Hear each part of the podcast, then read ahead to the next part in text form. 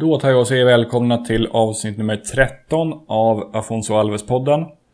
Jag heter Johan Nykoff och i det här avsnittet har jag intervjuat Oskar Lindgren Ortiz, känd bland annat som AIK-representant i 08 Fotboll och eh, sommaren 2014 VM-bloggare för Metro.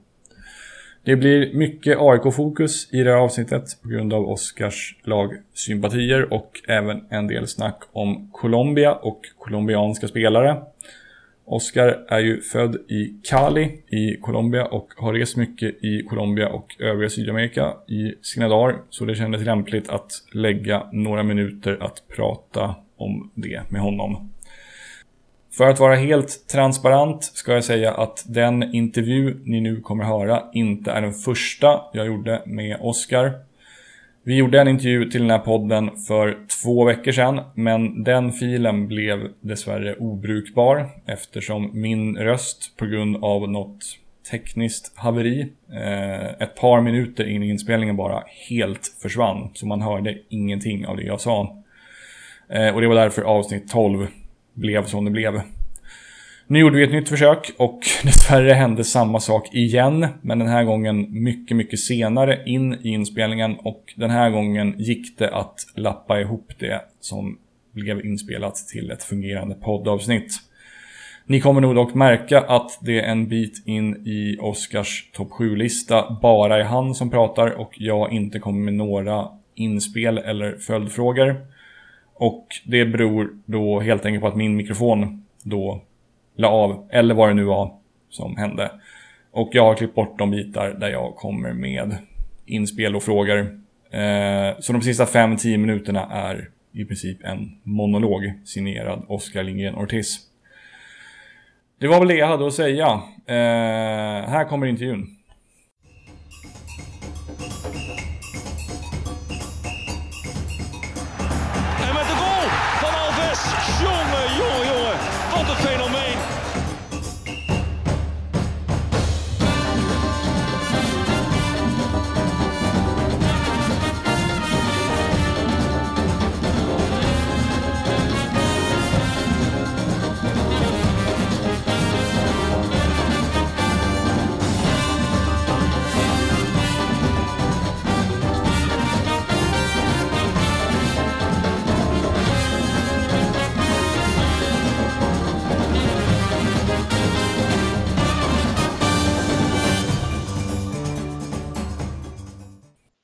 Fullständigt namn. Oskar Lindgren Ortiz. Mm. Inga mellannamn till oss efter Oskar. Ja, Eh, jo, vi har eh, Per Oskar Marino Lindgren Ortiz. ah, coolt. Så det var Eh, fullständigt i alla ja. fem. Eh, ålder? 31. Kommer från respektive bor i? Kommer från Cali, Colombia och nu bor jag på Södermalm i Stockholm. Mm. Vilken är liksom din del av stan skulle du säga? För du är uppväxt i Stockholm va? Huvudsakligen. Jag är uppväxt i Nacka strax utanför då, men eh, det är ju typ Stockholm Ja, kan man säga. Eller här i huvudstadsområdet i alla fall. ja. Men eh, min första bostad i Sverige när jag kom hit och som liten, det var på Södermalm. Runt eh, trakten här, jag bor runt Nytorget. Så det, det är väl eh, det är väl här jag skulle säga, sö söder om Nacka. ja okej. Eh, sysselsättning? Jobbar med eh, fastigheter till vardags och sen så eh, en del eh, fotboll när, när tillfälle ges och det, det är lite mästerskap och, och sådant. Sen så är jag även på en del av AIK Play, tidigare AIK Media, jag har varit där i sju, åtta år någonting. Mm. Fast det är ideellt sa du, eller hur? Ja, det är på AIK, på AIK är det ideellt. Ja, just det. Sen eh, försöker jag komma över lite frilansuppdrag och sådär när det, när det finns något, eh, något aktuellt som passar mig. Mm. Eh, favoritlag? AIK och Inter och Colombias landslag. Hur blev det just Inter? Det blev faktiskt, dels så gillade jag, ogillade jag Juventus tidigt. Jag kommer ihåg när jag var liten så var det väldigt tidigt så hörde man det här om att de, det var mycket straffar. Det var något år där Del Piero gjorde åtta mål, var sju på straff och det här 97 matchen mot Inter när, när Ronaldo inte fick straff och Juve fick straff i omgången efter. Så då, där någonstans så föddes tidigt en, eh, en antagonism jag kände för, för Inter starkt där. Och sen så hade de också Ivan Ramiro Cordoba som var på den tiden där i slutet 90-talet, eller runt millennieskiftet, var han en av, en, en av få, kanske den, den enda colombianen i ett topplag i Europa. Så att eh, det blev att jag tog, tog rygg på honom och sen så hade, hade laget alltid en tradition av, av mycket sydamerikaner. Det var mycket argentinare och, och lite brassar och annat och sådär. Och eh, faktiskt, faktiskt till än idag så har det alltid spelat minst en colombian Inter, vilket eh, ja, det har gjort att de, det, det har känts som, som mitt lag här i Europa. Ja, det förstår jag. På tal om eh, Cordoba, hette inte han, fanns det inte någon mål som hette det också, som spelade i Besiktas? Jo, det stämmer. Eh, Oscar Cordoba hette han. Just, Vi från, från, samma stad, där, från, från Cali. Så, så honom har jag faktiskt träffat och, och intervjuat nere i, i Colombia när jag varit där. Ja, kul. Vad gör han nu för tiden? Han spelar inte längre va?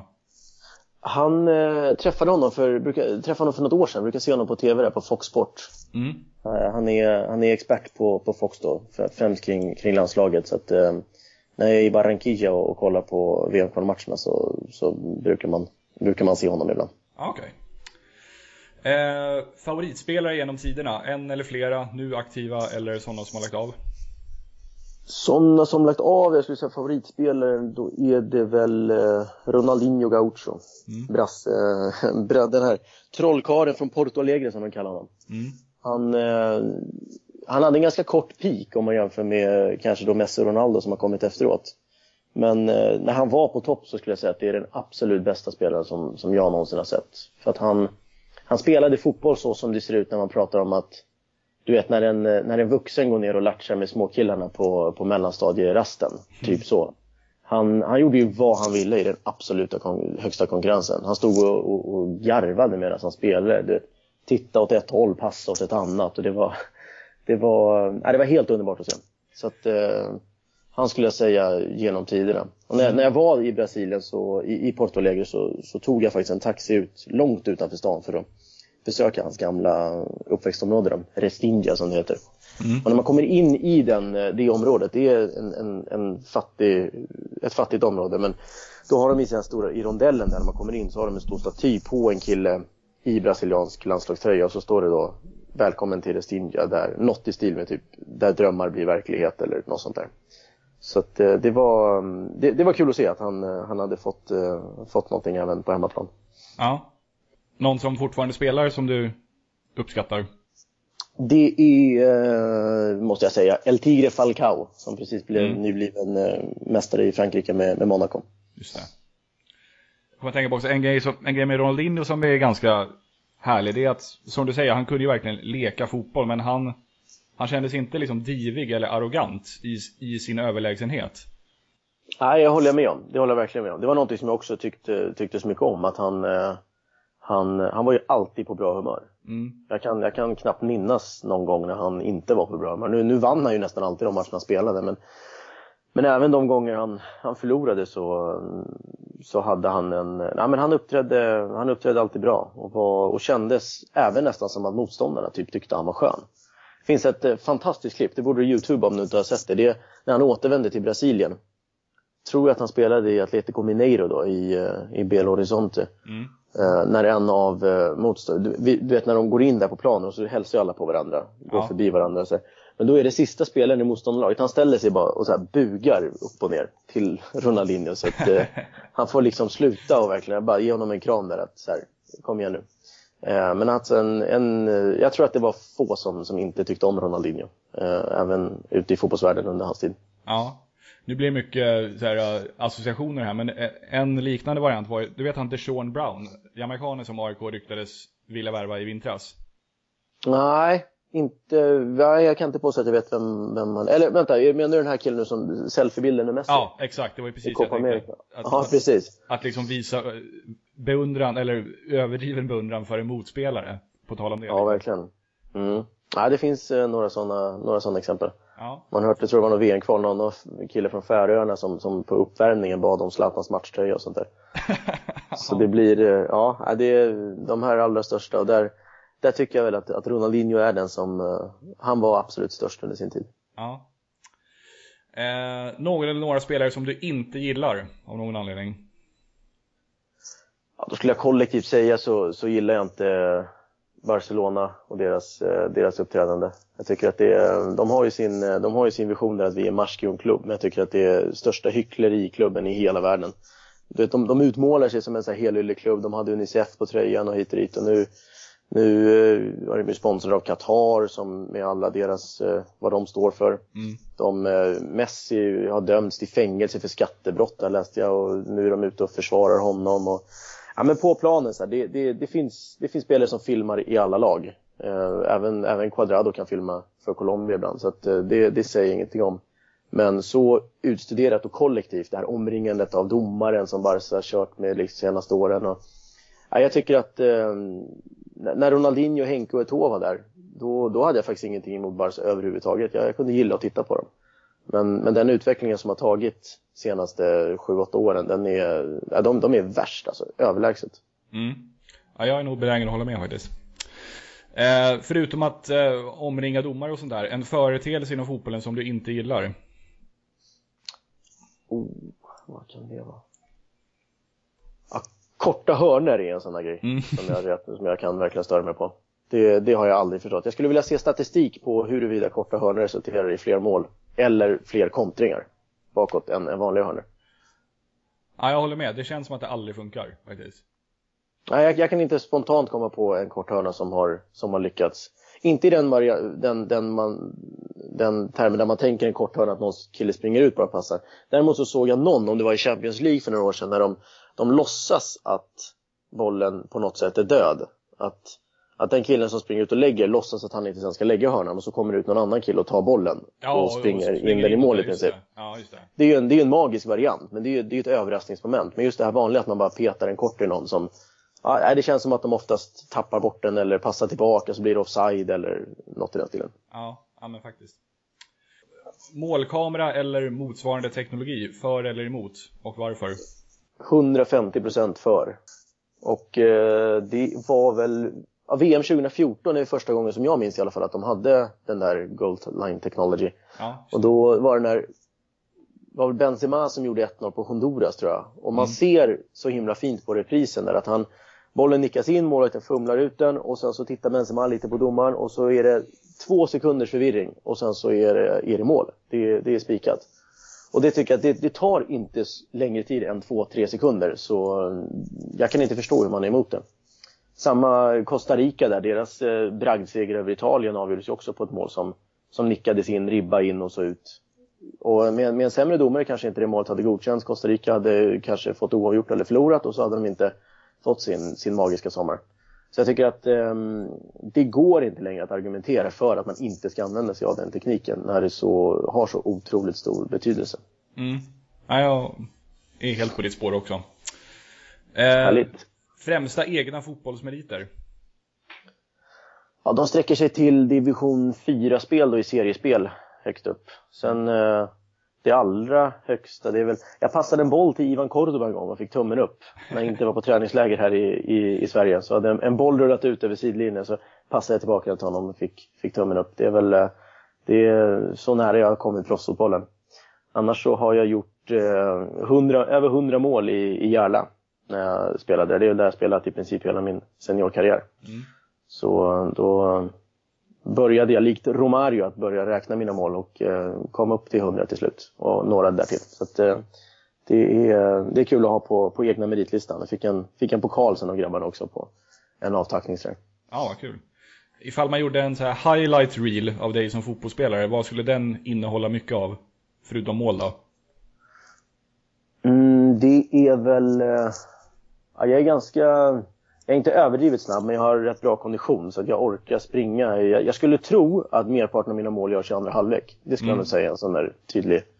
Och sen så är jag, eh, när jag var liten på sjumanna så fick jag alltid spela vänsterback.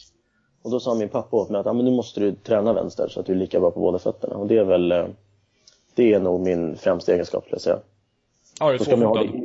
Ja, precis. Att jag, slår, jag, slår, jag har satt både frisparkar och straffar med vänstern och även ja, många vanliga mål också för den delen. Så det är väl min, eh, min skulle jag säga, min, eh, min bästa egenskap på planen. Ja, det är fan inte illa. Och det är också någon grej, om du pratar om föreställelser som jag stör mig på, då är det ju spelare som inte kan använda en fot. Där man i princip ser att så här, ja, en kille, en kille är fri från halva plan, men man ser att backen täcker hans favoritfot, Mm. bollväg då.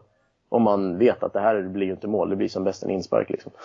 Men Det, det, det kan jag faktiskt tycka är helt horribelt att spelare inte, ja vissa av dem inte ens kan träffa bollen med, med andra foten. Jag stör mig på det nu i Bayern där de ju kör med Mats Solheim som vänsterback som ju är Mm. högerfotad. Jag, yt, alltså felfotade ytterbackar hatar jag verkligen alltså. Det är, alltså de är ju, många allsvenska ytterbackar är ju inte skitbra offensivt ändå. Och om man Nej, dessutom, dessutom, använder fel fot, så det, det, blir, det blir som en rensning när de slår inlägg liksom. Ja, och framförallt så blir det ju, framförallt så hamnar man i det där att backen kan ju, alltså motståndarbacken kan ju bara täcka det inlägget. Så måste han ner i hörnan och då, då blir det ingenting, då blir det inkast som bäst. Ja, Där, eh, där är ju offensiva yttrar ju lite annorlunda. Där kan man ju ha ja, men Chamez och Robben så här, de kan skära in från högerkanten.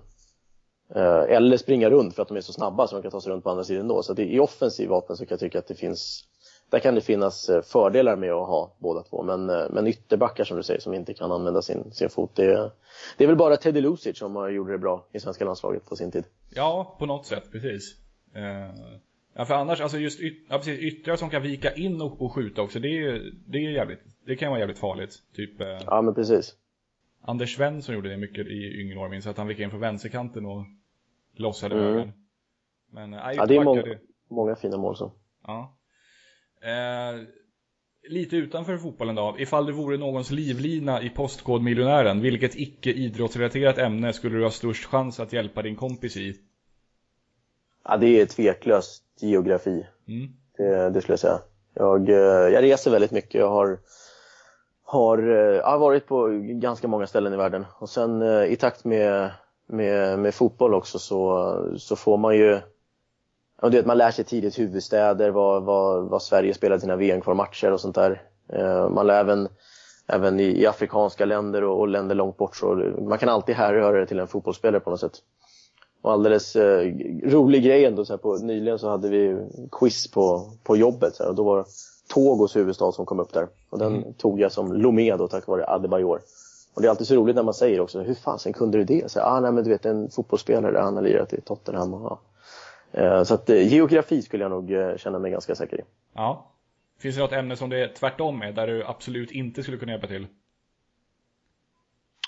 Mm. Ja, vissa historiska företeelser, där är jag nog inte hemma. Uh, generellt, jag, jag, där, där skulle jag nog säga att jag har en ganska, ganska begränsad eh, kunskapsnivå. Det tror jag nog. Gamla kungar och sånt?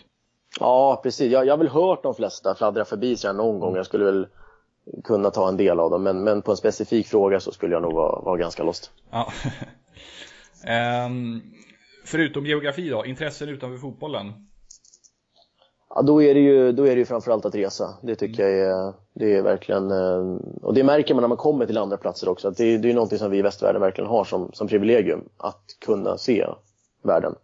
Både, både ekonomiskt och den med den eh, semester som vi har även i Sverige. Eh, Väldigt generösa arbetsgivare på den punkten.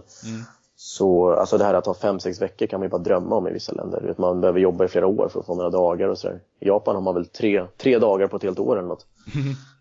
Eh, Så att, eh, ja men resa, resa det, det tar jag verkligen chansen att göra så, så ofta jag bara kan. Eh, varit i 40 länder hittills så att jag siktar på, siktar på fler. Och eh, då brukar jag även slå ihjäl lite tid med att läsa böcker. Det tycker jag är, tycker jag är väldigt avkopplande. Ja.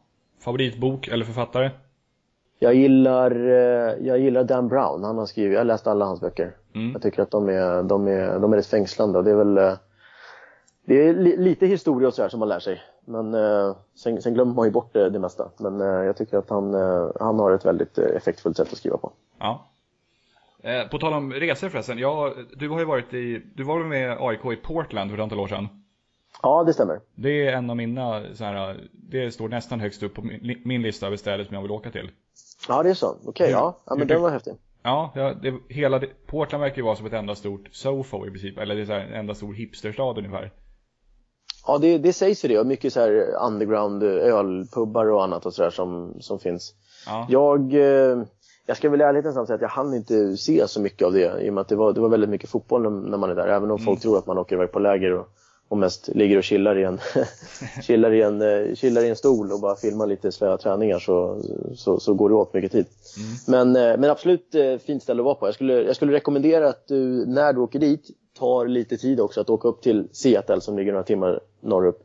Mm. Och sen även passa på att se Vancouver som ligger ytterligare ett par timmar eh, över andra sidan gränsen. Så det är re, restipp till, till dig och lyssnarna att eh, slå lite fler flugor i en smäll. Ja, just det. Jag åker för övrigt till Barcelona i övermorgon på semester. Mm. Där har jag aldrig varit. Har du varit där någon gång? Där har jag varit några gånger också. Såg, eh, såg bland annat det här eh, klassikon Barça-Real som, som Zlatan avgjorde. 2009 ah, ja. tror jag det var. Okej. Okay. Mm, 1-0 mål där. Mm. Eh, ja men kul. jag hoppas kunna se någon fotboll där. Det, nu är alla, liksom, det, det är om det är någon kvalmatch man kan lyckas se upp eller nedflyttningskval sådär med lag. Ja, just det. Ja, det är ju möjligt. Ja. Men vilken helg, när var du skulle åka? Vilken helg? Eller det var nu, om några dagar? Ja, i, i övermorgon åker jag. ah, okej. Okay. Ja, just det. Ja, du kanske springer på någon av spelarna på, på stan om inte annat. De är ju lediga ja, nu. precis. ehm, men det var, ehm, det var faktarutan det. Så då går mm. vi över till um, huvuddelen av podden. Och um, just det. vi börjar med att prata lite grann om spelaren som den här podden är uppkallad efter, nämligen Afonso Alves. Vad yes. är din relation till Afonso Alves och hans fotbollsgärning så att säga? Ja, inte mycket kan jag faktiskt inte påstå. Jag eh, kan inte påstå att jag följde honom särskilt sådär i Allsvenskan, mer än att det man läste var att han var ja, kanske den bästa importen som Allsvenskan har haft. Jag minns att Patrik Andersson spelade ju med honom något år där i, i Malmö och, och sa att han, han undrade vad han gjorde här, han kunde bli hur bra som helst. Mm. Och då, då, då fick man ju lite ögon på honom så och tyckte att eh, coolt ändå, undrar hur bra han kan bli. Och sen smällde han in de här målen i Heerenveen och drog till, till Premier League och så här. Så jag har alltid följt honom lite. Det blir ju gärna så att man följer ex-allsvenska spelare utomlands mm. för det blir någon form av, av test på sig hur långt de kan lyckas och i så fall hur, hur motsvarande spelare i det egna laget kan stå sig i konkurrensen. Men eh, nej, Alfonso, han var väl den, den eh, kanske en av de, de absolut bästa. Annars så har jag väl varit i hans hemstad då, Belo Horizonte mm. eh, under, eh, under VM 2014. Och då fick jag se fyra matcher där på eh, Mineirao. Så det var väl, det är väl så nära jag kommer eh, Afonso. Ja men det är coolt. Han bor där nu, han är tillbaka där nu och mm. verkar leva Fantastiskt livet. Fin stad. Ja. Fantastiskt ja. fin stad, jag gillade den verkligen. Så hade jag turen också att få se riktigt bra matcher. Det var, den första var Argentina-Iran där som Messi avgjorde på övertid. Sen var det, sen fick jag en, en matchbiljett av Celso Borges för att kunna se Costa Rica-England. Så såg jag när Brasilien slog Chile på, på straffar i åttondelen. Och den sista matchen var Tysklands överkörning där 7-1 mot Brasilien. Så ja, Minerao har också en, en plats i fotbollshjärtat så det blir ju det blir väl min eh, koppling till Afonsos hemstad. Ja, men det är verkligen en sån här badge of honor att ha varit på 7-1 matchen tycker jag. Det är svincoolt. Ja, jo men verkligen. Det är en sån där match som det kommer refereras till om, om, om säkert 50 år. Ja, definitivt. Um, på tal om så här alltså Afonso och hans framfart, hur pass stor koll har du på spelare i andra lag? Typ alltså inför AIKs matcher. Om vi, AIK möter liksom Kalmar, tar du då reda på vilka spelare i Kalmar som är i form och som AIK behöver se upp med? Nu har vi Kalmar ett dåligt exempel för där är väl ingen i form, men du... Ja, det är ingen att se upp med just nu. Nej, precis, men du förstår vad jag menar. Eh, ja men det gör jag ju lite och det, det hänger också ihop med lite om man, om man ska uttala sig i något, eh, något forum. Ibland, jag har ju suttit med i 08 fotboll och ibland blir man blir man tillfrågad om man ska sitta med i Expressen Live och sånt där mm. eh, inför derbyn och sånt där och då, då gäller det att vara, att vara påläst, då vill man inte komma dit och, och inte riktigt veta vad man pratar om. Eh, så att eh, inför, inför sådana händelser så gör jag nog det, annars eh, inte riktigt egentligen utan jag, jag kollar lite matcher då och då men det kan lätt vara så att det går några, några veckor och då kan ju en spelare som var, var jättedålig när jag kollade på honom kan ju en månad senare ha gjort några fantastiska matcher utan ja. att jag har sett honom då. Så att, inte um, så mycket följer jag inte de andra lagen i Allsvenskan. Jag har koll på, på tabeller och resultat, det, det har man ju. De, och de, de, de, spelarna som du nämnde som är formstarka sticker ju oftast ut i, i, eh, i, på löpsedlar och liknande. Så att uh, viss koll har man ju. Ja, precis. Um, Afonso har ju en brassekompis som har en lite speciell plats i AIKs nutidshistoria, nämligen Paulinho Guara. Och jag tänker då på hans tre mål på ett folktomt Råsunda hösten 04. Och i mitt huvud har det blivit väldigt mycket så att jag förknippar AIKs nedflyttning med just eh, Paulinho. Men hur, hur pass mycket är det så för dig? Ja, ganska mycket ändå, får jag säga. För jag minns ju, i och med att vi inte fick gå på matchen så, så minns jag att jag satt hemma i, i källaren hemma hos mina föräldrar i, i där. Mm. och kollade, men då, den visades inte på TV om jag, om jag minns rätt. Eller så var det bara att jag inte hade kanalen och streama var inte riktigt på tapeten där. Det, mm. nej, det, det, för 13 år sedan. Men, eh, men då, eh, då plingade det ju till hela tiden. Och då var det ju 1-0 och så 2-0 och 3-0 och Paulinho gjorde ju alla tre mål. Så det blev ju en, eh, ja det blev ju en, en, en minnesvärd match på det sättet. På fel sätt liksom? Ja. På, på, fel sätt, ja, exakt. Jag, jag har väl förträngt ganska mycket av den där nedflyttningssäsongen. Det, var inga, det är ju inga roliga minnen, så det är ingenting man har lagt fäst någon, någon vikt vid. Sen gick det ju så pass bra för AIK, direkt man studsade upp direkt och sen 2006 så var man nästan guld. Så att från, eh, från de, de, de åren så att säga så har man uh, hittat andra positivare minnen att behålla istället. Ja, det förstår jag. Eh, på tal om brassar så tänkte jag att vi skulle ta och gå igenom AIKs brassehistoria. Och mm. ifall min research stämmer så har sju brassar spelat för AIK.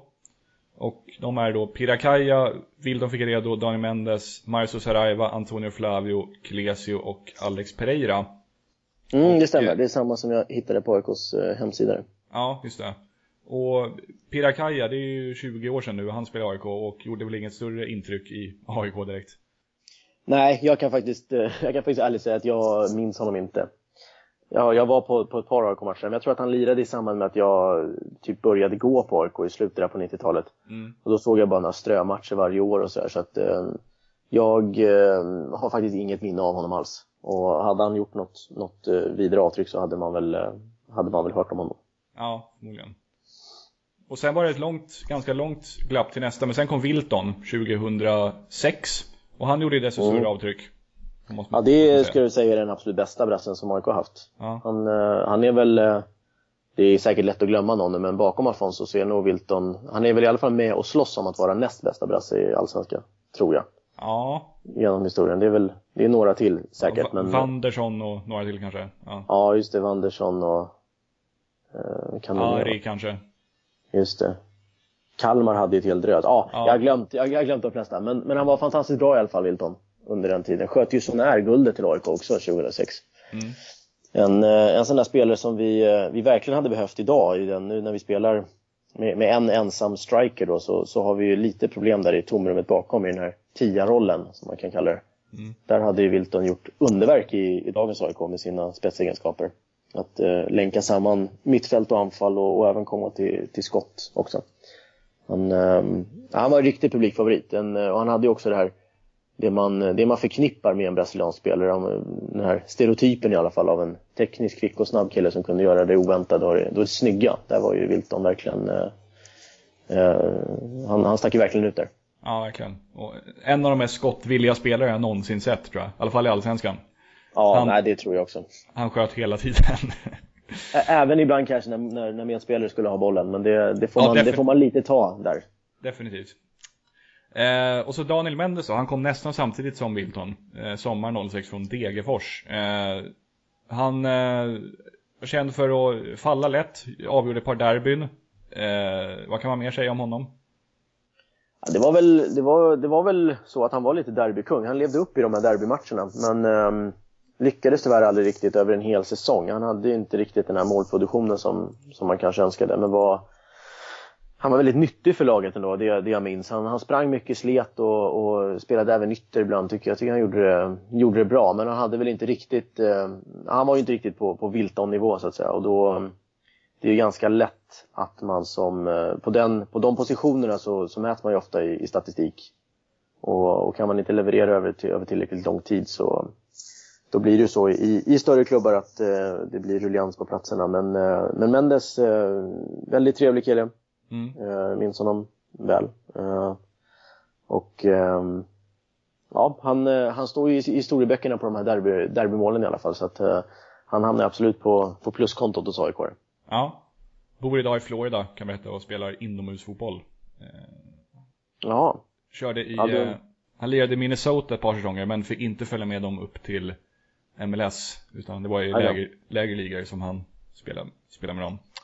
Jag vill minnas att det stod inte att han också blev svensk medborgare. Han hade bott i Sverige så länge att han skulle få svenskt pass och så här. Ja, det kan nog mycket väl, det kan mycket väl stämma. För han var ju i, han var ju i Kalmar något år, typ såhär 04 eller 03 eller någonting. Och sen kom han tillbaka, och sen kom han tillbaka till Sverige ett par år senare. Så han var, ja, sen var ju Kalmar i 2012 och 13 tror jag.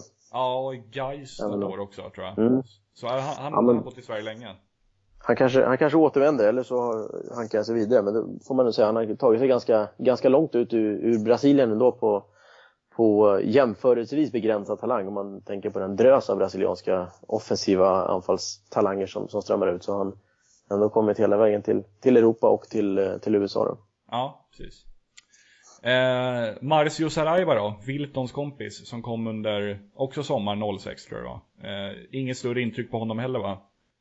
Nej, det är lite, det är lite Pirakaja där på honom. Han eh, har, inte, har inte gjort så mycket avtryck. Jag, jag kan knappt komma på att han, att han ens har spelat. Det går väl att hitta statistik på att det, det gjorde han säkert några matcher. Ja, men, fem eh, matcher. Fem matcher, ja. Ja. Men eh, nej, det var, det var väl ingen som, som lyfte heller. Sen, sen kan det ju vara så att, och det vet jag väl lite så är ju det här med akklimatisering också, när man ska få spelare att trivas. Så kan det ju vara så att man värvar Wilton och sen så för att få honom på bra humör så försöker man hitta någon kompis som man tror ska, ska passa eller, eller en, på en position då där man kanske behöver uppbackning och sånt. Jag, jag, jag vet inte, men jag kan tänka mig att det kan finnas sådana såna tankebanor i, i de här utlandsspåren. För det är ju Ja. det är ofta så att när man har en brasse i något lag så, så är det ofta två, tre stycken. Eller från, från Afrika, nu har ju AIK haft väldigt mycket från, från Ghana och Sierra Leone och så där. Mm. Så då kanske man får leva med att det, det kommer någon sån där som inte riktigt blommar fullt ut. Men han höll han stjärnan på gott humör och, och de fick gå på brasilianska grillfester och snacka portugisiska så, så kanske det hjälpte laget ändå. Ja, ja men eller hur. Eh, en som gjorde desto större avtryck, fast bara under en kort period, det var ju Antonio Flavio. Någon form av guldhjälte får man ändå säga. Ja, verkligen. Superguldhjälte. Eh, Han, eh, han kom ju in i ett läge när AIK rustade för, för guldhösten. Mm. Och eh, vi hade ju haft lite problem med platsen bredvid Åbolo. Varken, varken Micke Torstensson eller C.O. Jagne då hade, hade väl egentligen befäst platsen i, i startelvan där. Så att där, där fanns det ju någon ledig och, och Flavio kom ju att bli det helt ultimata komplementet till, till Åbolo. Hade vi en, eh, en, en stor bra kille på huvudet eh, och så, så en liten teknisk bredvid där. Så det är väl det, det ultimata anfallsparet kan man säga. De, eh, de sköt ju guldet till AIK också. Tre till och med. Wilton, Wilton gjorde ju mål, nej förlåt. ehm, Flavio, Flen ju såklart. Mm. Gjorde ju mål i Göteborg och även i den här Supercupfinalen sen 2010. Som, eh, som AIK vann, som gjorde att vi tog då trippeln. Så han är ju absolut eh, guldhjälte. Mm. Eh, någon som eh, alltid kommer komma sig ihåg. Förstår jag. Men ganska kort brintid också, likt Ronaldinho fast på lägre nivå. Ja, verkligen. verkligen. Det, de, de, de, de går hand i hand där kan man säga på den, Ja. på den punkten. Men det räcker ju ofta. Det är, det är lite så. Man kan ju vända på det också. Det finns killar som har spelat i AIK 7-8 år och aldrig tagit en titel. Så att, eh, nu var det ju inte bara Flabios förtjänst givetvis, men, eh, men han var absolut eh, bidragande orsak. Det, det, det vågar man påstå. Avgjorde ju även, eh, avgjorde ju även där. Jag tror han gjorde mål i båda höstderbyna, mot både Djurgården och Hammarby. Och mot Göteborg. Så att det var ju verkligen eh, tungan på vågen spelare. Ja, verkligen. Eh, sen då en spelare som eh, man minns fast av andra anledningar, Klesio. Vad tänker du spontant när du hör det namnet? Ja, det är väl, eh, är ju någon form av så här antihjälte i AIK, om det nu fi- finns något sånt ord. Att han, eh, han blev ju sågad redan på första träningen när han, eh, när han kom. Så var det någon, eh, jag tror det var, ja, minns inte vilken av tidningarna, men som sa det att det här, det här är ju bara en chansvärvning från AIK. Han kommer inte göra något särskilt intryck. Och det gjorde han ju inte heller. Men eh, det var ju under en period där 2010 när AIK, eh, ja vi, vi kämpade ju för att hålla oss kvar och hade tappat väldigt många från, från guldlaget då. Och då, då blev det kanske lite så som, som Westrum idag, eller se- på senare år brukar prata om att man inte ska göra. Att man, man, inte, man ska scouta bra under tiden när man, när man är bra. Just för att då, när det är trångt på platserna i laget, då, då, är det inte, då är det ingen risk att man slänger in någon på chans. Men om det däremot går dåligt för laget, då, då kanske det är så att man, man hoppas lite på, på någon som egentligen inte borde ha en plats i truppen. Lite så upplever jag kanske att det var med Klesio, att det, det gick väldigt dåligt för laget och man såg, man såg ett behov på en nödlösning. Han, eh, han hoppade in mot Helsingborg tror jag första matchen och höll på att ta två, han fick, höll på att få rött i, på två första situationerna. Just det. Men, eh, men han har blivit lite, just ordet Klesio, det har nästan blivit som ett verb i, i AIK. Lite här med att, att slatta ner det. När man pratar om att någonting går Klesio eller om det kommer någon lirare som är helt offside eh, inom, inom AIK på något sätt så är det, ja, men, ja, han är ju, det är ju nya Klesio. Ja. Så, så att hans, hans ande lever kvar den också. Jag undrar om han, eh, man skulle göra ett reportage med honom idag och berätta att han ändå, han ändå på något sätt lever vidare. Sådär. Det kanske, ja. kanske, kanske inte är så smickrande för honom, men eh, Nej, det hade varit intressant att se vad hans, det går ju säkert att kolla upp, men vad hans eh, karriär har tagit och, och, hur, han, hur han kom till AIK. Det kanske, det kanske Western får berätta i sina memoarer när han har, många år efter att han har slutat i AIK. Ja. Det vore intressant att veta, för det, mm, han, eh, han bör vara en av de, de sämre spelarna som spelat i AIK i Allsvenskan under, ja i alla fall under 2000-talet, det tror jag. Mm. Eh, och så den sista då, Alex Pereira, vänsterbacken, som nu är tillbaka i Assyriska, där han, eh, som hans första klubb i Sverige. Eh, lirar i AIK under säsongen 2015. Mycket duktig, mycket mm. duktig och kompetent ytterback. Jag, eh, jag minns att när de värvade honom så var det väl på lån, tror jag, och eh, då var man lite tveksam. Han hade väl åkt ur med Syrianska om jag minns rätt nu. Jag har gått några år. Men jag har för mig att han åkte ur Allsvenskan med Syrianska och det gjorde väl inget jätteavtryck i Allsvenskan. Men eh, AIK snappade upp honom och eh, han gjorde flera mål där under, under hösten för, för AIK. Eh, det var ju den här tiden när vi, vi hade ju, jag tror det var tio raka matcher. Den sviten som tog slut där mot, eh, mot Bayern på Tele2. Mm. Men, eh, men då fick han spela väldigt mycket den hösten. Och eh, vet att eh, Nebojsa Novakovic tittrade ut någon match där, att där, där borde AIK förlänga. Det, det är ganska ovanligt att en assisterande går ut och, och, och uttrycker sin åsikt om en spelare. Men eh, han var, han var populär, både, både bland tränarna och, och även bland fansen. Jag minns när han nickade in ett mål mot, mot Elfsborg. Jag tror att det var klart i princip att han, att han skulle lämna och inte få förlängt. Men då fick mm. han en, en väldigt fin ovation framför, framför Norra. När han i princip stod och jublade själv där med, med fansen. Det var, det, var en, ja, det, var en, det var en fin scen. Det, det minns jag. Ja. Eh, och han jobbar på där i, eh, han krigar på i Assyriska, som är väl nere i ettan nu tror jag. Ja, okej. Okay. Ja, honom skulle vi ha behov av idag. Nu kanske han, nu kanske han har tappat den allsvenska matchformen, men den spelartypen just en, en eh, tvåvägs wingman på vänsterkanten är väl eh, lite av AIKs akilleshäl at the moment. Ja, jag har förstått det.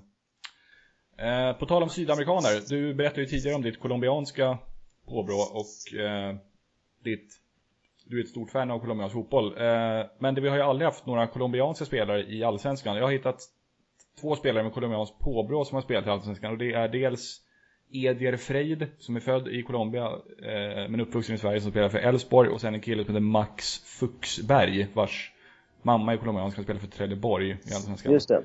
Eh, det är väl lite konstigt att när det varit så mycket brassar och en del argentinare och uruguaner att ingen colombian har spelat i Allsvenskan. Ja, faktiskt. Det, det, kan, man, det kan man säga. Jag vet att, eh, jag vet att AIK var i eh, Colombia för mm. något år sedan. Men, eh, och scoutade. Men, eh, men Westström har ju sagt det att, refererar mycket till Westström här märker jag, men AIKs sportchef. Ja. Som har ju sagt att de vill även kunna, man ska även kunna ta hand om dem på ett bra sätt när de kommer hit. Och han sa att det, det, finns duktiga fotbollsspelare i alla länder i princip, men man har inte fallit för Colombia ännu. Lite synd såklart tycker jag.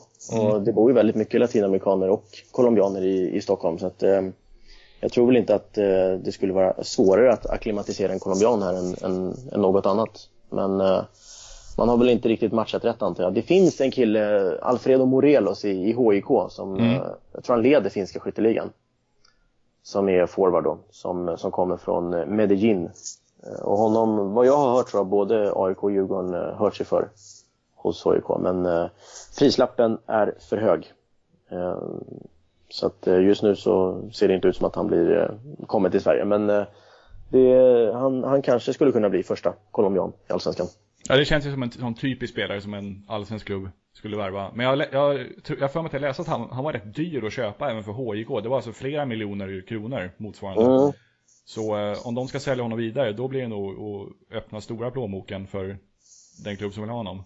Ja, verkligen. Och där så har ju Allsvenskan fått konkurrens även man tittar ju på Kina att de köper bara storstjärnor men det, jag vet ju även nu från, från colombianska ligan spelare som, som går direkt från ja, exempelvis då Deportivo de Cali till, mm. till Kina. Tidigare så gick ju alla via Argentina eller Mexiko eller, eller ut i, i Europa men eh, nu eh, en talangfull 20-åring i, i Colombia ser nog gärna cashen i Kina som en bra möjlighet. En, att, ja, det är ju långt till Sverige också från, från Colombia så att eh, om man har alternativa spelare i Sverige som är en lite halvdassig liga med lågt betalt och, och kyla eller att åka till Singapore och, eller Shanghai och få massa miljoner och spela i värmen då, då kan jag nog förstå att man, man väljer det alternativet. Ja, precis. Ja, det, finns ju, det finns ju lag som behöver eh, finns lag som behöver målskyttar, men eh, som sagt, just han blir nog dyr. Och ja, AIK, AIK framförallt behöver ju en Precis. forward just nu. Och sen. Halmstad, Sundsvall, de där, de gör ju knappt någon mål. Ja, jag tror väl inte att, eh, man går väl inte från HIK till, till Halmstad kanske. Nej. HIK är ju ändå mästare och kvalar till Europaspel och sånt där så att han, han, vill nog, eh, han vill nog byta upp sig i så fall. Ja, det tror jag. Men, äh, men det vore kul. Det vore såklart kul att, att se om, om vi kunde få någon colombian här i, i AIK. Ja. Eh, du var inne på AIK, vi tar och pratar lite AIK anno 2007 också. Eh, ingen flygande start på säsongen direkt, men nu ligger de fyra med eh, fyra poäng upp till ettan Malmö med en match mindre spelad och det låter ju inte så pjåkigt ändå. Nej, faktiskt i och med att vi vann det här derbyt mot Djurgården nu för några dagar sedan så, så är ju det här den bästa säsongstarten sedan 2009. Vilket, eh, vilket är bra. Det är bra att vi påminner oss om det också för det är ofta man eh, lite slentrian säger att AIK förlorar någon match där på försäsongen, eller i början på säsongen i maj och så, så är det alltid så att det är en, en dålig start. Men eh, Ja. efter, jag tror vi har spelat, är det nio eller tio matcher? Vi fick ju en där Eh. AIK har väl spelat nio, resten har spelat... Eh, AIK Göteborg har spelat nio och sen Precis. resten har spelat tio. Så eh, ja, med, med nio omgångar spelare så har vi eh, en, en bra poängrad och eh, det är lite Stuart Baxter över det här laget nu. Det här legendariska guldåret när vi gjorde, vi gjorde mindre mål än antal matcher. Jag tror det var 25 mål på 26 matcher. Och vann eh, allsvenskan på det. Och nu har vi ju, på de fem senaste matcherna så har ju fyra matcher vunnits med 1-0. Så det är, eh, man kanske inte behöver en, en Moreno. Det kan räcka med en, eh, en fast situation eller en eh, bredsida som styrs i mål av motståndarbackar och annat. Så, så kan det vinna ändå. Håller man bara nollan så, så räcker det faktiskt med ett mål framåt.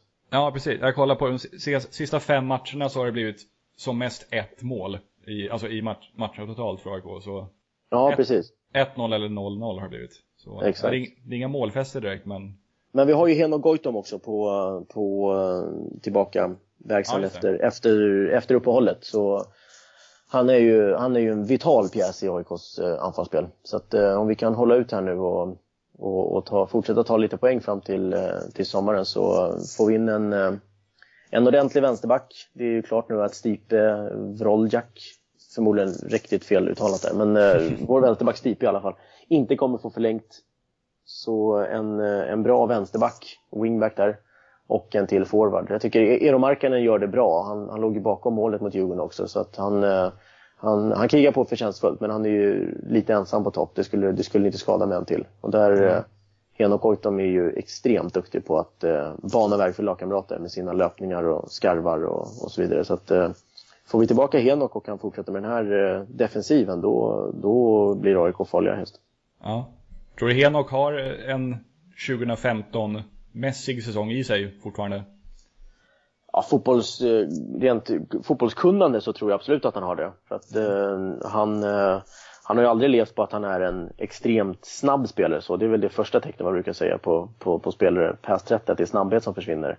Men om man inte är, alltså om det inte ens är en främsta egenskap, så en, en fotbollshjärna blir ju så att säga aldrig gammal och, och bibehåller man touchen och, och det här så, så tror jag absolut. Sen är det mycket annat som ska klaffa också. Han, eh, 2015 så blev han ju, då var han ju seriens bästa spelare. Fick ju pris på simor galan och annat. Jag vet att han och, och Fori och han och Bangura hade ju otroliga samspel så, här. så att, eh, det hänger ju lite på att, eh, eller det hänger ganska mycket på att lagkamraterna eh, ja, kan, kan tänka lite i samma banor och sådär. Hans rörelsemönster och så. Men, men individuellt sett så tror jag absolut inte att han, eh, att han har passerat sitt eh, bäst före-datum. Han kanske inte blir bättre som spelare men om vi säger att en, en 90% Goitom är fortfarande bättre än de flesta andra allsvenska anfallarna. Det, det är jag rätt övertygad om. Mm. Målvaktssidan då? Tycker du att Linnér håller eller borde man titta på att ta in något mer etablerat namn där? Nej men där, vi, vi, har ju, vi har ju hållit nollan som sagt väldigt många matcher. Släppt in väldigt lite mål. Linnér hade ju en, de tre, fyra första hade han det lite knackigt och sen har det ju bara gått bättre. Sen var det ju väldigt många som var oroliga nu när Stam skulle hoppa in i målet. Kenny Stamatopoulos då, men han eh, har inte stått i Allsvenskan sedan 2015 och kommer in och håller nollan i derbyt. Fast AIK är, är mm, tillbaka pressade mer eller mindre under större delen av matchen och gör några fantastiska räddningar. Så att, eh, jag är inte oroad på målvaktsposten. Jag tycker att det finns, eh, det finns andra det finns andra positioner där vi bör lägga pengar på att eh, få in spelare istället. Ja, okej. Okay. Finns det någon spelare i AIK som du tror hade mått bra av en eh, längre utlåning så som till exempel Pavel Cibicki uppenbarligen gjorde av sitt år i J Södra? Ja du, den är svår. Vi har ju faktiskt lånat ut vi har ju lånat ut eh, Noah Sommer Sundberg till Sundsvall. Mm. Och eh, även, eh, nu står helt still i skallen, men vi lånade vår innermittfältare Christos Gravius ja, till, eh, till J, J Södra. Så att eh, det är väl de två. Och sen, det går inte att låna ut så mycket fler. Alltså, vi, måste ju, vi måste ju få ihop en, en bra bänk också.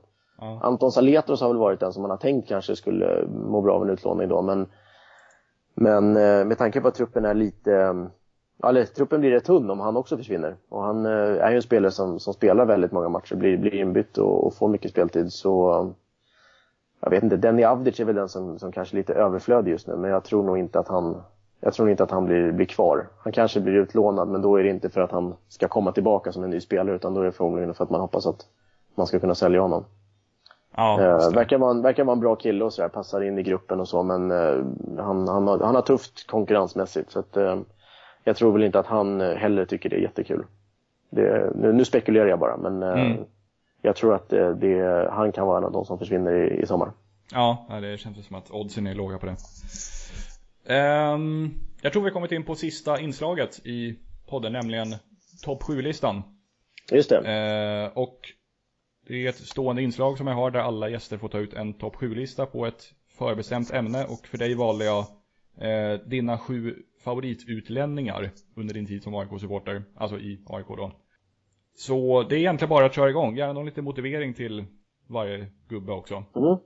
Det var en väldigt rolig lista att ta ut måste jag säga. Jag skrev ja. upp en, en mängd bruttonamn där på listan. Och sen eh, konsulterade jag faktiskt lite AIK-kompis också för att se om det var någon eh, helt given här som jag hade glömt. Men jag tycker att de, de, de här 11, 12, 13 namnen som jag fick ner var, var rätt rimliga. Sen eh, Eh, listan i sig då, den eh, är som följer.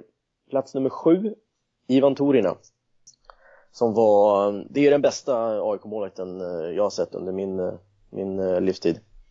Även om vi har haft många andra bra också. Och han, mm. eh, som alla vet så gick han ju bort väldigt tragiskt. Men eh, det, det känns ändå bra på något sätt att eh, Alltså Ivan, Ivan fick extremt mycket uppskattning även när han spelade i AIK och det var inget snack om att han var populär och väldigt viktig för laget redan då. Så det är ingen, det är ingen efterhandskonstruktion det här att, att han blir så hyllad även efter sin bortgång. Och jag minns att vi, vi snackade om det där när vi var i Europa League och spelade mot PSV och Napoli. Så att hade, hade alla i laget varit lika bra på sin position som Ivan då, då, då hade vi kunnat gå vidare från den här gruppen och, och vinna guld också. Ja. Eh, inte guld i Europa League men, men guld Nej, men, alltså, ja. Precis, så att han, han var ju verkligen eh, nästan lite sådär som man kunde säga om Alfonso att han eh, kanske var lite för bra för, för Allsvenskan till och med. Eh, jag minns när vi var i, i Portland där så, så, gjorde, så förlängde han sitt, eh, sitt avtal med AIK och då gjorde jag den intervjun med honom och då så säger han att han är väldigt lycklig, att han eh, hoppas kunna stanna i AIK då, all my life som han säger. Och det, väldigt sorgligt så blev det ju så bara några månader ja. senare. Så att de orden fick ju en, en annan innebörd efteråt. Jag minns att jag några dagar innan att han gick bort så var jag ute och cyklade i Solna och då såg jag två små tjejer och han hade ju två tvillingdöttrar som, som lekte lite på vägen och då, då kom han ut där på vägen för att liksom ropa in dem då. Så, så snackade vi lite och frågade hur det var han hade precis skadat sig. Han sa det kan nog ta några veckor och sådär men ja, nej men eh, snackade lite några minuter och så, så sa vi hej då där och det tänkte jag inte så mycket mer på då men sen i efterhand så är det ett eh, en, eh, ett fint minne ändå på något sätt att man fick, eh, man fick träffa honom lite där och, och säga hej då. Han var, han, var, han var en härlig kille också. Jag minns det, en annan gång jag hade satt mig på hans plats i spelarbussen och då la han bara sina extremt, sin extremt stora hand på mitt huvud och i princip så här, lyfte bort mig därifrån med, med mycket glimten i ögat. Men eh, han, var, han var väldigt härlig, Torina. Eh, plats nummer sex då, det är eh, Celso Borges. Costa Ricas eh, VM-spelare som eh, värvades från, eh, från Norge, jag tror det var från var det Fredrikstad var det va? Fredrikstad var det, mm. just det. Just det. Han och Stam hade vi spelat där, Stamatopoulos. Mm. Spelat ihop. Eh, och eh, han var ju, han var ju satt i tonen direkt. Han gjorde ju nickmål mot Kalmar, jag tror var i omgång två eller så här, och blev ju direkt en så här favoritspelare hos de flesta. Han, eh, han var ju otroligt duktig i båda riktningar. Eh, väldigt, eh, väldigt duktig på engelska också. Eh, inte, alla, inte alla utlänningar, speciellt inte från Latinamerika som, som är det i, i ja, så att man kan prata med dem här i Sverige. Men han, mm. Han var ju väldigt duktig. Han fick ju, han fick ju skriva för, för DN i, tror jag det var, under var svenskan under, under VM och sådär.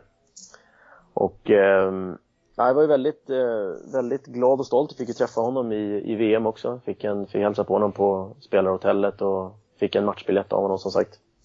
Så var jag på plats också där när han satte sin straff mot, eh, mot Holland i kvartsfinalen. Som mm. de tyvärr då förlorade. Men eh, då var man väldigt stolt att vi hade en, en allsvensk spelare och en AIK-spelare som, han toppade ju listan där på Fifa över den som hade sprungit mest i hela, i hela VM. Så, ja, det är sjukt alltså. Ja, faktiskt. Var, han var ju otroligt framstående i VM. Och eh, gjorde sällan en dålig match för, för AIK. Han eh, ofta med i målprotokollet och eh, assister. Han eh, lite sådär Wilton-spelare, kunde skjuta från distans och, och, och så. så att han, eh, och nu spelar han ju, nu är han ju ordinarie i, i La Liga. Så att, eh, mm. det var väl en, eh, en ganska, ett steg man inte, man tvekade inte på att han skulle kunna ta det med tanke på hur bra han hade presterat i VM. Så att, ja, det är en av de absolut bästa man har sett i AIK, absolut. Vi ser Deportivo han spelar i. Mm, precis. Så de, de brukar precis hålla sig kvar där. Två år i rad nu har de klarat sig kvar. Och femma på listan, det är en engelsman, Kenny Pavey. En av de absolut härligaste figurerna som, som man har sett i AIK jag får ofta frågan av supportrar och, och kompisar och andra, så här, vilka, är, vilka är trevligast och skönast i AIK? Och då Päivi är alltid en av dem som jag, jag nämner där. Mm. Han och, och ja, Stamatopoulos också för den delen. Eh, sjukt trevliga och härliga eh, stämningshöjare i truppen. Och det var väl nog för att Kenny Päivi var en bra spelare, men, men det var väl kanske främst av de anledningarna som AIK tog tillbaka honom den sista sessionen. Han hade ju sannolikt inte blivit bättre som spelare, men när han kom tillbaka där, om det var 2000 det minns jag inte. Kan det ha varit 14, 15? Ja, något sånt där måste det varit. Precis, när han, eh, när han lirade i AIK igen då. Men eh, det var ju så här som älskade att spela i AIK och eh, fick, ut väl, fick, väl förmodligen, fick väl ut liksom max av sin talang. Han, han sprang ju väldigt mycket och de flesta aik minns väl hans, hans röda kort snarare och väldigt hätsk stämning i matcherna mot Göteborg och sådär. Så att han, han, han satte verkligen prägel på, på, på AIK när han var här. Jag minns att när vi var i, när vi var i Kina också så spelade ledarmatch som vi brukar göra. Då var det han och, och Stamatopoulos som skötte filmandet då, så att Päivi var, var kommentator. Eh, och han har helt, helt magiska citat där. Man kan, man kan slå på, på Youtube där, eh, ledarmatch i Kina 2014. Så får man höra Päivi. Han har definitivt en, en karriär som eh, kommentator framför sig. Och ett av mina absoluta favoritmål från guldåret också, det var ju det målet som han trycker in mot, mot Hammarby där typ fyra omgångar från slutet så, så gör han 2-1 när det inte återstår jättelång tid av matchen. Euforiskt målfirande där. Så att det, um, han var också en uh, klar guldhjälte. Var det det där, nu minns jag inte det, men var det där när bolljäveln ska bara in, liksom den typen av mål? Ja men precis, det var, de, de rullade ju runt hela backen, det var nästan som ett handbollsanfall. Jag tror man ser på att alla i laget rör bollen från målvakten mm. uppåt, så rullar de hela vägen ut slår in bollen, jag tror det är Ovolo som försöker och sen så Päivi bara slänger sig fram och vräker in den där. Mm. Och sen det är då han och, tror det är Mutumba hoppar upp på gallret eh, bland fansen och, och firar där. Det var ju så här riktigt eh, eufori, euforimål verkligen. så Päivi är absolut med på listan. Jag tror Päivi mm. skulle hamna på, på, på listan av alla aik nästan som gör en sån lista. Ja. Eh, I alla fall topp 7. Nummer fyra är en annan guldhjälte. Han var faktiskt MVP det året och det är Jorge Ortiz. Mm. Som eh, kom till AIK året innan och hade en ganska, ganska svag första säsong. Eller sett till hur, hur han hade håsat som spelare och den lönen och så han hade så, så gick det inte alls så bra för honom. Under 2008 då. Men eh, jag minns att jag gjorde en intervju med honom innan eh, på försäsongslägret och då, då sa han att nu i år ska ni få se den riktiga Ortiz. Och det, det fick vi verkligen. Han, eh, mm han var ju otroligt bra. Åt ju upp mittfält, motståndare mittfältare.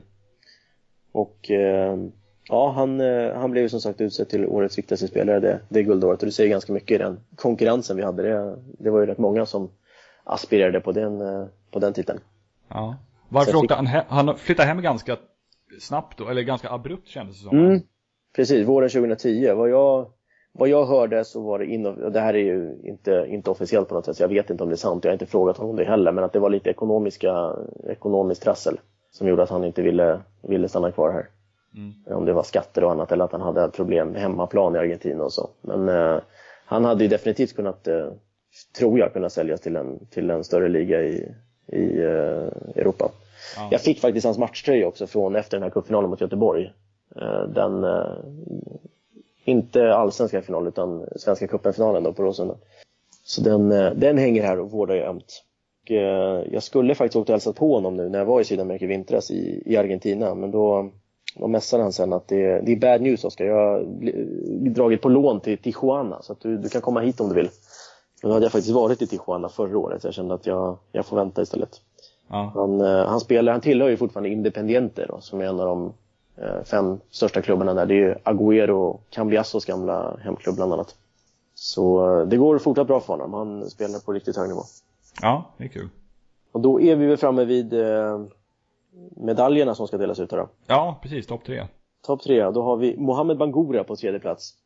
Som är, vi snackade lite tidigare om Ronaldinho som, som så här, alltid leende och alltid på bra humör och gör det lilla extra. Och det är väl det jag förknippar mest med, med Mohamed Bangura. Han, alltid ett leende. Han kommer ut ur omklädningsrummet så ser det ut som att han, man vet inte om han kommer från en 50 Cent video eller från en, eh, ett fotbollsomklädningsrum. Eh, på hans Instagram också, det är väldigt mycket dans och bling-bling och stora kepsar. Men eh, en av de bästa spelarna, en av de bättre spelarna i AIK eh, under de här senaste 10-15 åren, absolut. Han eh, har ju verkligen varit tunga på vågen. Till att börja med så höll han just kvar i, i Allsvenskan 2010 och sen smält in många, många snygga mål, avgjorde Europa League-match mot, eh, mot PSV och ja men eh, riktigt, eh, riktigt härlig spelare att titta på. Väldigt, väldigt spektakulär. Tvåa på listan är Nebojsa Novakovic som idag då är assisterande tränare i AIK. Och det, är, det var en av mina största idoler när jag var, när jag var liten och tittade på fotboll på AIK. Han, eh, han, var ju, han var ju aktiv där när jag började gå i slutet på 90-talet. Och eh, gjorde ju de två, det visste man ju inte då, men han gjorde ju då liksom mål mot både Aten och Barcelona som, som tog AIK till Champions League och sen även då i Champions League det här fantastiska lobbmålet. Det, det minns jag när jag varit iväg med AIK på resor och sånt där. Man har suttit vi gått upp till ledarbordet och satt sig och käkat liksom. Så kan jag sitta ibland och titta på Nesh bara så att fan shit, här sitter jag och är nästan kollega med, med Nebojsa Novakovic. Det, för, för den 13-årige Oskar så, så var det helt eh, surrealistiskt att en dag få, få sitta vid, vid samma bord som Nebojsa. Eh, sjukt, eh, sjukt härlig människa. Eh, och, och, väldigt duktig på det han gör. Jag vet att eh, Alm sa det att han, han har aldrig träffat en, en tränare som så tydligt kan sätta känsla på matchbild och vad det är som, som laget behöver. Eh, så där, eh, där är Nesh eh, väldigt uppskattad och har ju jobbat som assisterande tränare i AIK under under väldigt, eh, väldigt många olika tränare också. Så att eh, trä, tränarna kommer och går men eh, består. Lite så eh, kan, kan man nästan säga. Och sen har han ju då som sagt gjort de två av de absolut mest minnesvärda målen för AIK så att det är en superlegend verkligen. Och etta på listan, det är Ivan Obolo. Satt jag där. Han var ju helt fenomenal när han spelade i AIK. Framförallt då guldåret, men, men även innan faktiskt. Eh, det här eh, försäsongslägret som vi åkte på till Malaga då med laget, då brukade jag alltid gå runt och fråga eh, spelarna i laget. Jag hade en så stående punkt som var då, ja, lite som den här punkten är, med, med, med tio frågor inför säsongen. Och då var en av frågorna vem som var lagets viktigaste spelare och då svarade 100% av AIKs spelartrupp 2009 svarade att Ivan Obola var den viktigaste. Det säger rätt mycket om betydelsen han hade för laget. Han, han låg ju bakom så här, typ, ja, 80-90% av målen som, som laget gjorde. Om man inte gjorde det själv så passade han fram till det eller hade nickskarvat någon som hade, ja sådär. Han, eh, otroligt eh, duktig. En eh, skön, skön, kille också. Han, han, sa inte så mycket, var ganska, inte, uppfattade inte någon som blyg men, men eh, rätt tystlåten. Eh, och väldigt sympatisk. Eh, och jag minns att jag hade frågat honom in, inför guldmatchen om jag kunde få hans matchtröja eh, efteråt. Och eh, den blev han ju, själva matchtröjan blev han ju rånad på direkt. Då, du vet, de har ju sett det när alla springer in och, och tar souvenirer av, eh, av, av spelarna. Men, eh, men sen när vi stod faktiskt efteråt, de hade delat ut medaljerna och pokalen och jag stod och filmade då, eh, det här firandet. Då, på podiet och då, då ropar han helt plötsligt så här Oskar kom kom och så kryper jag, smyger dit under kameran så då tar han av sig sin, eh, sin guldtröja då den som de hade fått på sig efteråt och, och gav till mig. Det var en så alternativ match då som de inte spelade med men Eh, så den hänger också här, eh, här hemma. Det är ett väldigt fint minne. Eh, det, det kändes fint också att han, att han kom ihåg det då mitt i den här euforin att han hade lovat mig min tröja. Eller sin tröja till mig. Men eh, han var ju här faktiskt under premiären eh, mot Häcken och eh, fick gå ett, ett ärevarv. Han var ju på i den här kampanjen då, Välkommen hem, där man under säsongen nu välkomnar hem gamla legender och då var ju eh, Ivan Oblo först ut.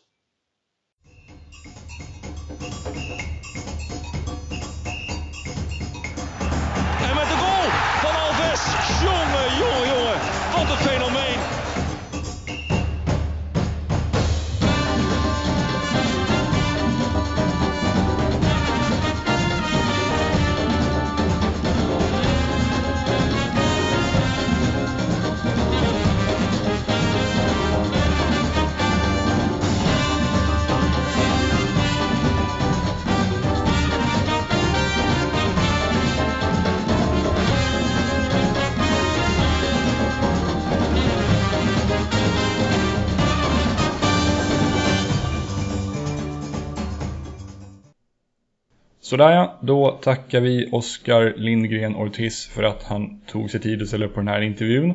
Och vi önskar honom all lycka och medgång framöver.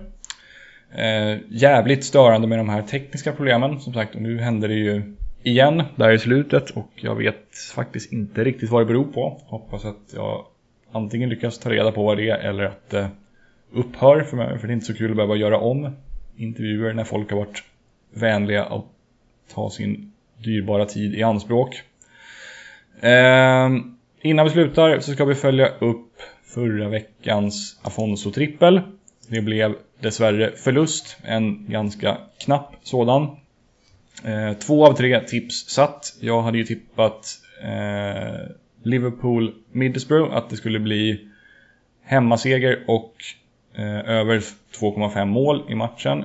Jag hade tippat Örgryte Falkenberg över ett och ett halvt mål och sen en rak tvåa i matchen mellan Hammarby och Malmö FF. Och eh, de två första satt. Liverpool Middlesbrough slutade 3-0.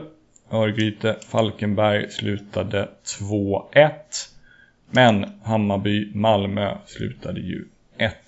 Det var den där matchen där Ögmundur Kristinsson tappade in en fösare från Anton Tinnerholm. Eh, så det blev torsk, men vi tar nya tag. Den här veckan fegar jag ännu lite mer i jakt på en seger. Så nu så tippar jag, eh, då ska vi se, Örgryte-Värnamo, en match i Superettan. Där tippar jag att båda lagen ska göra mål till oddset 1,51. Sen tippar jag AIK Malmö FF under 2,5 mål. AIK gör och släpper ju in väldigt, väldigt lite mål. Så därav det tipset. Till oddset 1,66 är det. Och sen matchen mellan Djurgården och AFC tippar jag hemmavinst och över 1,5 mål till oddset 1,42. Totalt odds 3,56. Gånger med det med insatsen 34 kronor blir det lite drygt 120 spänn in på kontot. Så det är ingen jättevågad eh, historia jag har eh, samlat ihop till här. Men vi håller tummarna för att den sitter. Det var väl det. Eh, jag åker på semester på lördag till Barcelona och är borta ett par dagar. Så jag vette fasiken om jag hinner spela in avsnitt nästa vecka. Vi får se helt enkelt hur det blir. Ha det så bra så länge. Tja tja.